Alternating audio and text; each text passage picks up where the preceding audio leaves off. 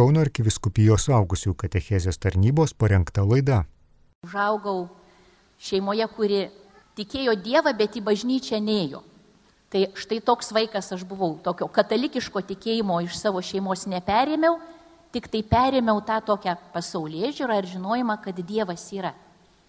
Tačiau nežiūrint tos didžiulės spragos, kai jau buvau paauglė, viešpats man davė tokią malonę ilgėtis ir žavėtis Jėzaus Kristaus asmeniu ir norėti jį pažinti. Ir aš tada jau pati savo jėgomis, savo smalsumu, to vedama vidinio ilgesio klausinėjau tikinčiųjų žmonių. Užtruko ilgokai. Dešimt metų, kol įvyko mano atsivertimas ir per tą laiką visko jau sudėtingo įvyko mano gyvenime. Džiaugių dalykų, kad sutikau savo būsimą vyrą, bet skausmingų dalykų, kad e, mes išgyvenome skirybas. Ir po to vėl tarsi toksai džiaugsmingas e, dalykas, bandėme gyventi kartu, bet iš mano pusės tai tas stiprumas ir jau apsisprendimas buvo ne dėl meilės, ne dėl tokio tikėjimo Dievu, nes dar jo nebuvo, bet tokio širdies užkietinimo, kuris leido man atlaikyti gyvenimo smūgius. Na ir dabar jau aš pasiruošusi šiam gyvenimui, nes jau mano širdis kieta, niekom nepasitikiu, tik tai savimi. Nepasitikiu savo vyru, nei savo mama, nei savo draugėmis, nieko šiam gyvenime, nes jau visais nusivyliau, bet žinau, kad ką pati sugebėsiu, tą ir turėsiu. Ir štai tokie pasiruošus gyvenimui, 25 metų aš, kaip sakant, keliavau. Ir po to Dievas davė sutikti žmonės, kurie tikėjo Dievą, bet kitaip. Tikė, kalbėjosi su Jėzum kaip su realiu asmeniu ir kalbėjo apie tai, kad yra šventoji dvasia kaip malonė, kuri paveikia žmogų ir duoda jam jėgų, perkeičia jį. Ir kažkaip aš susižavėjus tais žmonėmis, kurie liudijo štai tokį tikėjimą man iki tol negirdėtą, aš kažkaip surizikavau irgi prašyti Dievo tikėjimo tokio, kuris veiktų, kuris noriu Dievę tave patirti, noriu Jėzaus su tavim susipažinti, noriu išgyventi tą Dievo meilę. Ir iš tiesų tą patyriau ir, ir, ir tą gavau. Ir labai džiaugiuosi, kad mano vyras buvo įrankis dėka savo tokio smalsumo. Jisai pirmasis įlindo į tą e, tikinčiųjų jaunimo grupę, ir mane tenai nusitempė ir mes abu labai panašių metų išgyvenom tą tokį suaugusių žmonių atsivertimą ir prasidėjo tada mūsų toks krikščioniškas gyvenimas. Bet nebuvo jisai lengvas.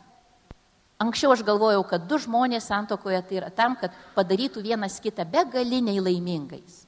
Nu, taip, labai graži mintis ir labai ilgai aš stengiausi ją įgyvendinti ir daug nusivylimų. Dabar suprantu, kad du žmonės santokoje yra tam, kad kartu keliautų į tėvo namus. Ir tada ar labiau pasiseka, ar esi labiau sužeistas, ar sveikata šlubuoja, nekliūtis. Tai yra kelionė, dviejų žmonių kelionė ir vienas kitam pagalba eiti į tėvo namus.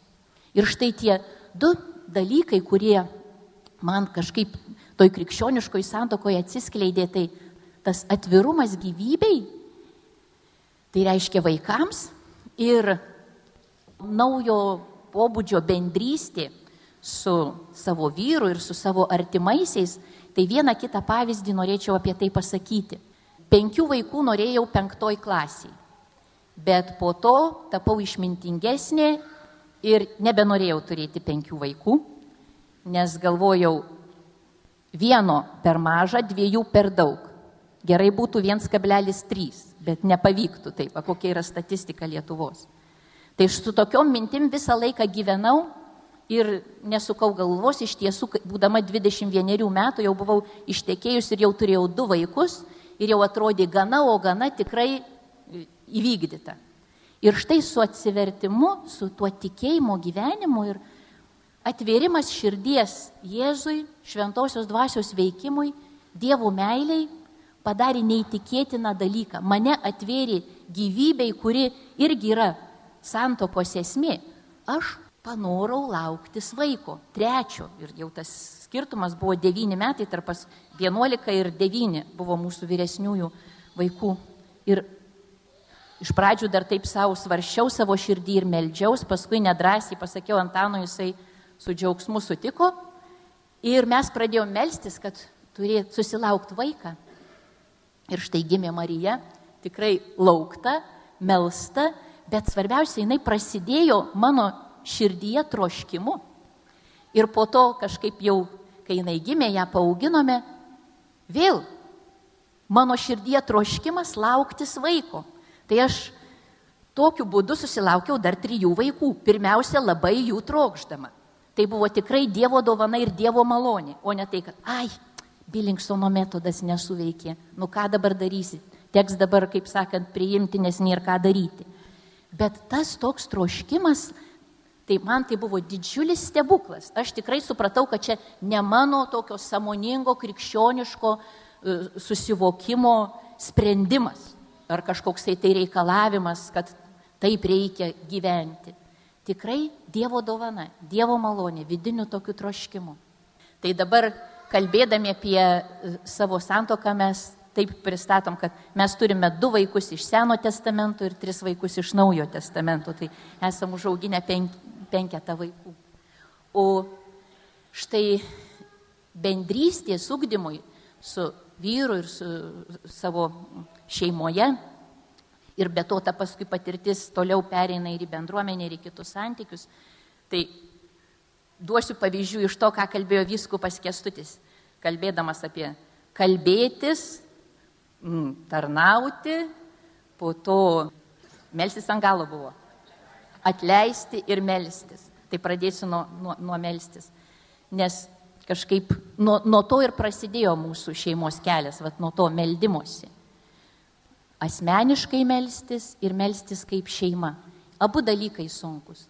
Abu dalykus Pradžioj lyg tai yra tokia Dievo pagalba, bet paskui reikia apsisprendimo ir kitas įk net tokio iškovojimo. Ir dabar galiu pasakyti, kad lūžis įvyko mano asmeniniai maldoj ir mūsų šeimos maldoj tada, kai apsisprendžiau už nekokybišką maldą. Nes aš tokia truputėlį perfekcionistė, tai man vis laukdavau melsiuos, kai jau bus vis, visos tinkamos tam sąlygos, tiek asmeniškai, tiek šeimoje. O kai prastesnės sąlygos, nu kokia čia ta bus malda. Ir galiausiai gaunasi, kad jinai labai nuskursta ir jos labai mažai yra. Ir galiausiai apsisprendžiau tiek asmeniškai, tiek šeimoje už nekokybišką maldą. Va.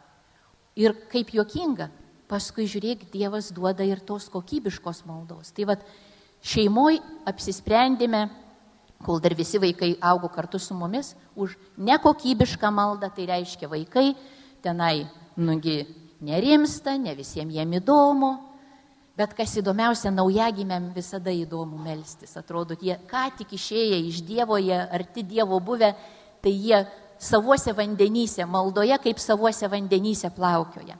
Vyresniem jau tik tai tenai truputėlį. Bet vis tiek melzdavomės. Ir koks yra įdomus dalykas, kad vat, mūsų tie suaugę vaikai, ką labiausiai prisimena iš mūsų šeimos gyvenimo, tai ne tiek, kad ten gimtadienius su dovanomis ar kažkokias išvykas, kurių irgi buvo ir jos svarbios, bet prisimena maldą. Ir kai, kai jie dalindavosi, va, pavyzdžiui, sako, jie papasakodavo savo draugam, kad jie meldžiasi šeimoje, tai jų draugai jiem pavydėjo, kad jie su savo tėvais meldžiasi. Tai tokia kažkaip vaikų patirtis. Kitas dalykas dabar su tuo atleidimu. Labai anksti savo krikščioniško gyvenimo pradžioje žinojau, kad niekur nedingsi, teks atleisti. Bet labai sunku, nes jau daug tų gyvenimo žaizdų ir kažkaip jezuitų rekolekcijos padėjo, nes jezuitai mokina žmonės atleisti ne savo vardu, tai aš atleidžiu ne rūtos vardu ir ne rūtos meilėje, bet atleidžiu Jėzaus vardu ir Jėzaus meilėje. Tai buvo man perversmas. Tada aš truputėlį galiu nusiraminti ir tokiu valios apsisprendimu, netgi suskaudama širdimi, galiu sakyti, Jėzau, tavo vardu ir tavo meilėje atleidžiu savo vyrui, ar savo vaikam, ar savo tėvam, ar savo broliam, kokios žaizdos skausmai man jie iškyla iš praeities ar dabartinių momentų. Ir kai tą pradėjau daryti, žiūriu, kad tas atleidimas tapo kaip kokia litanija. Vien tuo atleidimu ir Jėzaus vardu ir Jėzaus meilėje tik atleidinėjau ir atleidinėjau. Nes tik suspaudžia mano širdį koks nors prisiminimas ir jeigu iš karto nesusivokiu, labai kamuojos, bet jeigu stop, kas čia vyksta, turbūt man reikia atleisti dėl to, kokia čia kyla ta mintis, problema, atsiminimas ir vėl meldžiu tą maldą, Jėzau tavo vardu ir tavo meilį atleidžiu. Ir daug dalykų išsilaisvino širdis ir dingo tas kartelis, tarsi viešpats išvalė mano širdį. Ir dabar kaip juokingai, kas gaunasi. Tarkim, būna kokia nors situacija, bara už ką nors priekaištauja man mano vyras Antanas, o mano širdyje jau eina šitą atleidimo maldą. Dar jis nebaigė nugi savo, kaip sakant, kokio nors nepasitenkinimo lieti, o, o man jau yra va ta tokia, kad aš atleidžiu, nes nežino jisai, ką daro, nesupranta va mano situacijos, atleidžiu iš karto ir kas darosi, manie nėra tokios pasipiktinimo reakcijos jam atsiliepti tuo pačiu. Nu, va, tokia tikrai Dievo pagalba. Tai tas atleisti 70 kart po 7 kiekvieną dieną ir dar daugiau, tai labai yra efektyvus dalykas.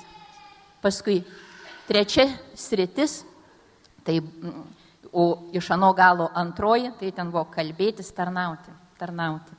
Kartais visi mes padėjuojam, labai norėtumėm tokio gilaus širdžių ryšio ir su savo sutuoktiniu, ir su savo kitais artimaisiais žmonėmis tokio širdžių ryšio, tokio sielų bendrystės, tokio širdis į širdį liejas kalbi, kaip kartais kokios dvi moteriškės draugelės turi kartais tokių akimirkų.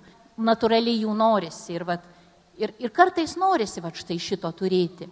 Ir be abejo pavyksta, jeigu melžiamės ir dalinamės Dievo žodžiu, kad ir su Antanu labai dažnai tą turime, kad kai dalinamės Dievo žodžiu, nugi įvyksta ta Dievo darbais, įvyksta ta bendrystė. Bet kartais, kai dalinamės kokiais nors savo skauduliais, nepasitenkinimais, labai yra sunku. Ar pavyzdžiui, prigyvenam kokią nors krizę, tai viskas atrodo, tos bendrystės nėra, o ryšio nėra, didžiulis nusivylimas. Padėjo man vienas kuningas, kuris sako, kai tu sakai, kad nėra ryšio, tada pradėk tarnauti. Ir tai ir bus tavo ryšys. Tai jis tą sakė sunkiems santykiams bendruomenėje. Bet aš tą pradėjau taikyti ir šeimoje. Aš galvoju, tai aš Artanui tarnausiu. Ir bus mano va tas ryšys su juo virsiu jam kavą, kepsiu jam tenai mėsą, e, lyginsiu. Pa, pa, bet svarbiausia, kad net kalbinsiu jį tą darydama, vat, bet tarnaudama. Ir kažkaip nustojau dėjoti, kad ryšio nėra. Nes ryšys yra. Šitas tarnavimo ryšys jis visą laiką yra. O paskui, žiūrint jo, galima statyti ir visus kitus ryšius, visokio kitokio dalinimuose. Ir štai pagaliau kalbėjimas, tas pirmas, ką e, viskupas Kestutis sakė, be, beje pats man sunkiausias, nes iš vaikystės atsinešu tokią žaizdą, nes mano mama mokytoja, tai jinai ir savo mokinius taip auklėdavo, ir mane, savo vaiką. Nurutelė, ateik pasikalbėsim. Ir man vaikui jau tas, kaip sakant, sužeidė mane, aš visa suparaližuota įdavau į tos pokalbius. Jis nešaukdavo ant manęs, Kai šaukdavo, tai būdavo trumpi tie tokie, sušunka ir visa ką. Mane jie negazdindavo tie tokie sušukimai, bet ateik pasikalbėsim, tas ramus toksai. Tai tikrai ir kadangi jis visą vaikystę vyko toks auklėjimas, aš sėdėdavau ten kaip pelė po šluotą, o kadangi iš manęs reikalaudavo atsako, tai aš tik tai sakydavau taip, taip, sutinku, sutinku. Ir aš tokia užaugau, aš atpažįstu, kad kaip suaugęs žmogus aš lygiai elgiuosi taip pat. Štai, kaip sakant, mane pasikviečia, ar mano vyras išsišaukia pokalbiui, ar vaikai nori pasikalbėti, ar bendruomenės broliai, seserys, rūta, noriu su tavim pasikalbėti. Man susigniaužia iš karto širdis. Viskas. Aš tą paskui jau atpažinau. Žinau, kad čia toksai va, sužeidimas, kuris trukdo kalbėtis, kas yra labai labai svarbu. Ir iš tiesų irgi su malda ir tokiu peržengiant savęs, pasitikint Dievu, pradėjo keistis šitą situaciją, nes tikrai kalbėtis yra begaliniai, begaliniai svarbu. Tai, va, tai šitais dalykais norėjau su jumis pasidalinti ir galbūt užbaigti tokiu, kad Jėzus yra tas trečiasis, kuris padaro santoką laimingą. Nes mes esame tokiame meilės trikampyje. Jeigu ne Jėzus užima tą vietą, tai bet koks kitas trikampis bus nelaimingas. Jeigu, be abejo, jisai net bus greunantis, jeigu tas trečiasis bus kitas žmogus, bet gali būti ir, pavyzdžiui, darbas ar kokie nors kiti dalykai, pomėkiai ar priklausomybės, bet Jėzus yra tas, kur, per kurį mes galime visas savo, kaip sakant, mintis, jausmus, visą tai, ko mums reikia, kreiptis į jį, artintis į jį ir tada artėjame vienas į kitą. Amen.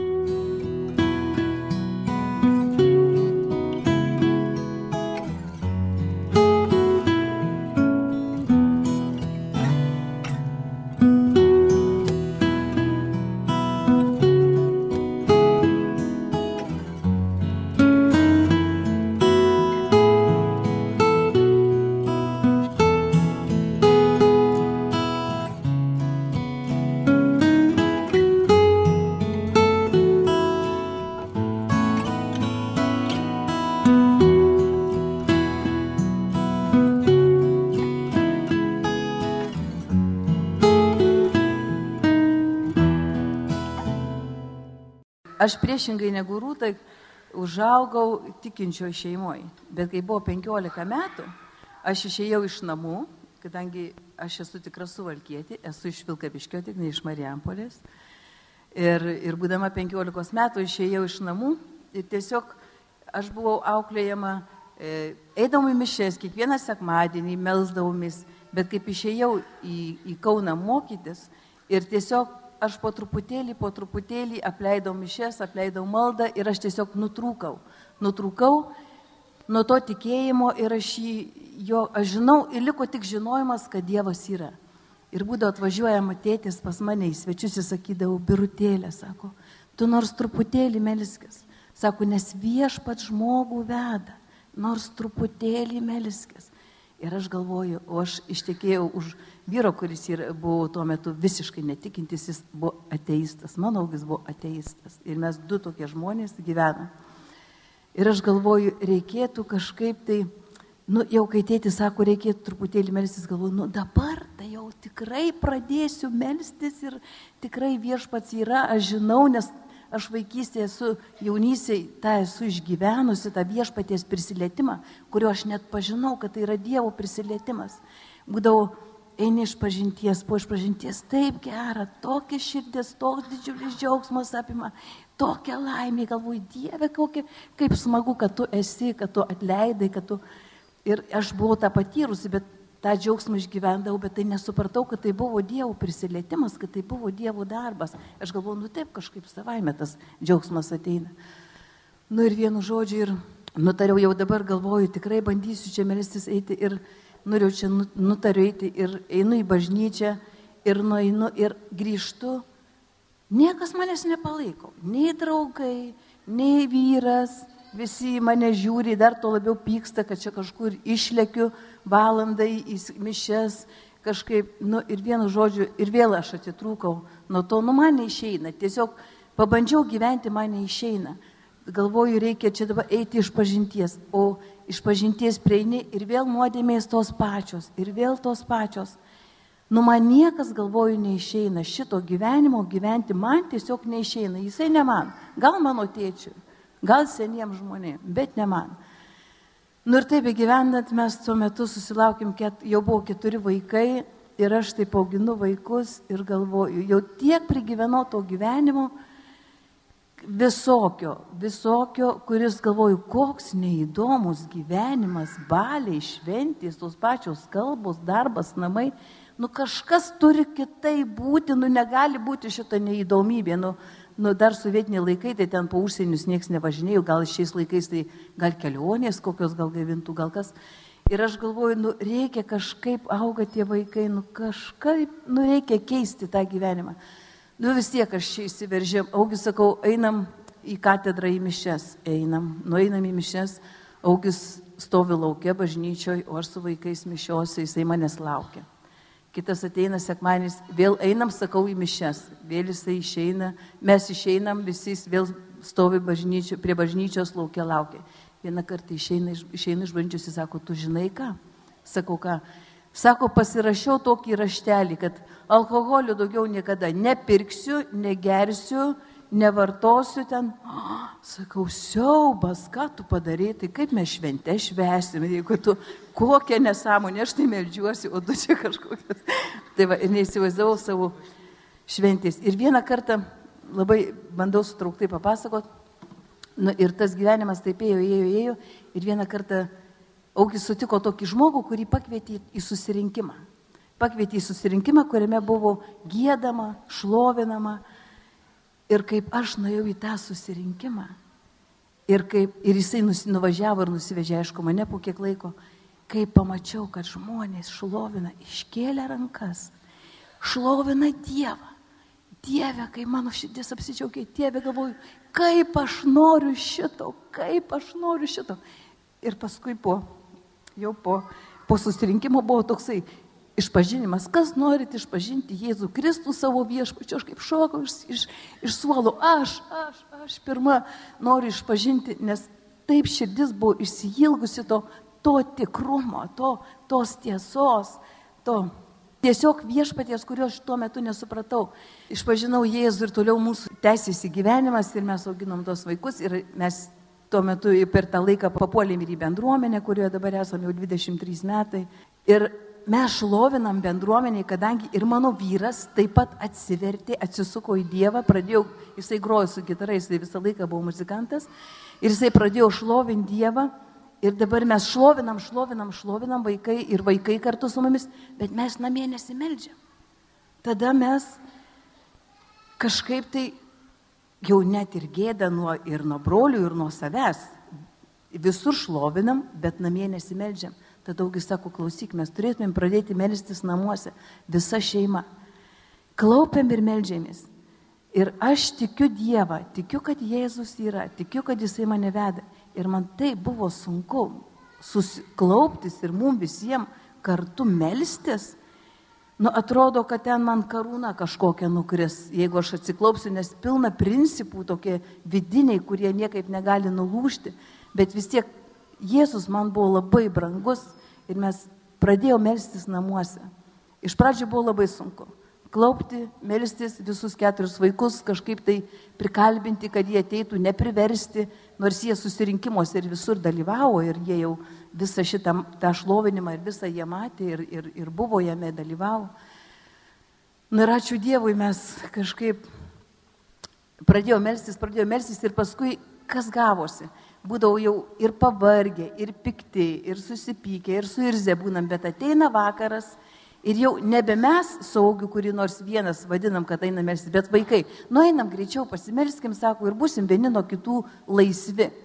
Bet kas vykdavo per tą maldą? Mes pasimelsdavom ir po tos maldos mes dar ilgiausiai sėdėdavom ir kalbėdavom apie mūsų visos dienos reikalus, ką mes veikim, kur buvom, ką girdėjom, kaip mes gyvenom. Tai buvo nuostabus laikas ir, ir užaugo tie keturi ir paskui penktoji atsirado dar dukra, kuri dar taip pat gyvena pas mumis, yra 20 metų, jinai yra įtikėjusi ir šlovintoje, gruojanti su gitara ir šlovinanti Dievą tiesiog. Ir ką noriu pasakyti toliau. Mes su tėvais kartu melsdomės, kaip aš vaikas buvau, tėtis, mama ir mes vaikai buvom keturi. Bet tas ryšys irgi buvo atitolęs. Irgi tos maldos kartu. Nuvažiavom, nuvažiuodavom, būdavau pas tėvus Vieną kartą nuvažiuojam ir dėjuoja, sako, ai taip, mama sako, ta sveikata tokia sun, taip sunku gyventi, asma sergu, nėra sveikatos ir taip viską. Ir augis sako, nu tai ką, aišku, sunku gyventi šio žemėje. Klaupiamės, sako, imam rožinį ir visi melžiamės. Suklaupėm, pasėmėm rožinį, užsidėgėm žvakę, visi melžiamės. Mama rauda, aišku, man irgi širdį skauda, bet kaip tai yra gera, kaip tai yra gera, mes visi kartu su Jėzumi, visa šeima melžiamės, prašydami sveikatos ir, ir dėkodami tuo pačiu. Tai toks važiuojam namo paskui ir, gal, ir kalbam, sakom, kas liko iš mūsų šito pabuvimo pas tėvus, tai malda, kuri buvo mums pati brangiausia. Ir šiandien amžinatilsi mama jau iškeliavo prieš keturis metus, o šiandien mano tėtis guli visiškai visiškai ant mirties lenkščio, jisai jau labai nebevalgo, jisai, jisai ir labai mažai kalba, tik tai porą sakinių vakar telefonu dar sugebėjo pasakyti, sakau, tėveliuk, sakau, kaip jūs laikotės, sako, žinok, ačiū Dievui, sako, labai gerai, iškeliauju, sako, pas Jėzų, aleliuja viešpačiu ir taip jisai visą laiką išeidamas iš bažnyčios, jisai atsisveikina su Jėzumi, sako, aleliuja viešpatė tau, aš kitą dieną ateisiu. Tai tas didžiulis mane džiaugsmas, kad jisai, jisai nerauda, kad jis iškeliauja, bet jisai džiaugiasi, sako, iškeliauju pas Jėzų. Atėjo laikas, aš pasenau. Ir tai man, man kaip dukrai yra labai graudu, bet man be galo yra džiugu. Koks džiaugsmas, koks džiaugsmas jisai išeina ten, kuo visą gyvenimą tikėjo. Koks yra džiaugsmas, tai yra kartu ir džiaugsmas, ir skausmas. Dėkoju Dievui už šitą didžiulį tė, tėčio tikėjimą, kurį jisai rodė man visą gyvenimą. Taip pat aš sakau, kas yra malda? Malda tai yra dvasios ir kūno sveikata.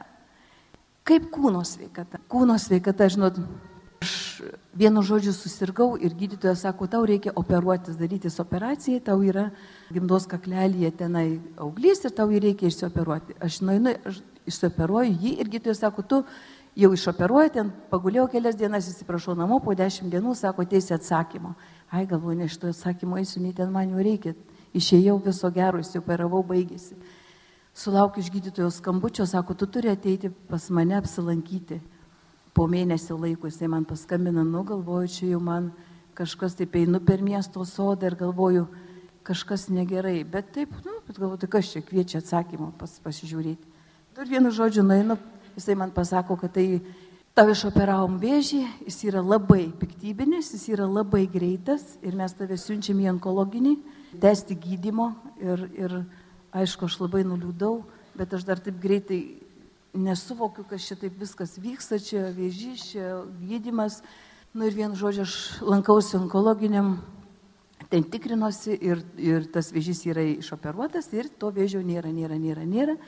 Ir man vis tiek jį reikia tikrintis, tikrintis. Ir po kiek laiko sako taip, sako, mane išsiunčia į klinikas jau mūsų ta gydytoja, sako, tau reikia vis tik tai važiuoti į klinikas, nuvažiuoju į klinikas, nueinu pasitikrinu ir sako, sako, jūsų vėžys yra atsinaujinęs. Aš jau taip, aš taip mane taip nuo galvos iki kojų taip perėjo toksai. Ir ką, aš išleidau mane iš to kabineto, aš išeinu iš to kabineto sustoju tarp durį ir sakau, Dieve, aš klausiu jo, sakau, Dieve, aš be galo suglūdus, pasimetus, išsigandus, aš sakau, Dieve, o ką man dabar daryti? Ką man dabar daryti? Ir taip iš karto tokia mintis. Pirma, galvoju, einu, aš atliksiu dabar, kadangi yra vėžys, aišku, tas, ta mirtis labai greitai, nes aš žinau, mano mama tuo numirė ir, ir daug aplinkinių žmonių visigi žinom. Aš tada, galvoju, tada man mintis, reikia eiti atlikti viso gyvenimo išpažinti.